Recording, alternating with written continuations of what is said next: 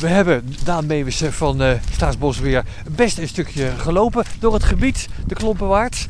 Waar staan we nu precies? Ja, we hebben een stukje gestruind, hè? Want er liggen hier eigenlijk, Eigenlijk geen, ja, geen, je, je mag hier van de wegen en paden af. En we hebben een stukje gestruind. We zijn nu richting de Nevengul gelopen. En hier zien we eigenlijk waar dus de Waal, de, de rivier, aangetakt is in dit gebied. Dus de meestromende de Nevengul die er ligt. Dus een gedeelte van het water van de Waal stroomt hier midden door het gebied, de Nevengul. Ja, in feite wel. Ja. Ja, en die, en die gul die, die, die heeft natuurlijk een enorme natuurwaarde ook weer. Hè? Want doordat dat water hier door die, dat natuurgebied stroomt, krijg je ook weer dat het heel aantrekkelijk wordt voor allerlei dieren en planten hier. Ik zie eentjes, maar ik zie ook allemaal ganzen. Ik zie uh, een zwaan. Uh, een reiger is dat? Een grijze reiger? Ja, je hebt hier zilverreigers zitten en, en, de blauwe reigers. Maar je hebt hier natuurlijk ook gewoon op die oevers. Dat zijn ook hele leuke plekjes voor steltlopertjes. IJsvogels zie je hier ook regelmatig voorbij komen. Nu in dit najaar, want natuurlijk is dat wel wat anders. Maar als je hier het hele jaar door is er leven echt riviernatuur die ontstaan is doordat die rivier hier midden door het gebied stroomt. Nou, dit is mensgemaakt waar we nu op uitkijken. Maar die, dit is wel heel bepalend voor wat je nu, nu het is ingericht, kan het zoveel mogelijk zijn gang gaan. En dat zitten wel regeltjes aan, want voor de waterveiligheid moeten we wel zorgen dat niet overal bos staat natuurlijk, want anders dan krijg je dat het water niet weg kan.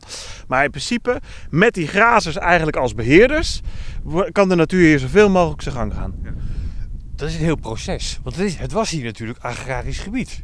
Ja, het was grasland en er was de akkerslagen hier. En, en, mensen konden hier eigenlijk vroeger eigenlijk niet komen. Want het was gewoon, werd gebruikt om, om de, voor de boeren die hier waren vooral.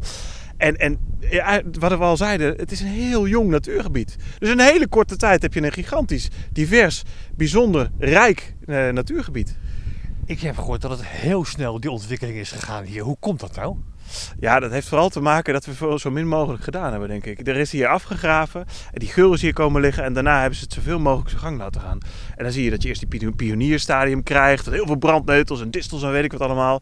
En naarmate dat voordat krijg je steeds meer bijzondere soorten die hier ook op afkomen. En op die duinen ook, krijg je pijpbloem en dan heb je doornappel staan en weet ik wat. Een doornappel is voor algemeen wel een leuke soort.